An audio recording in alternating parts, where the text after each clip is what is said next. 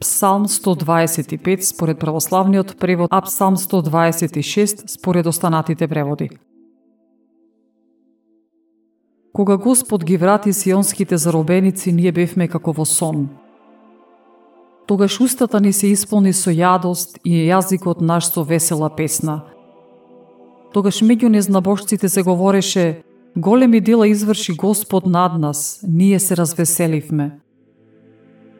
Врати ги Господи заробените наши, како потоците во Негев. Оние што сејат со солзи, нека жнијат со голема радост.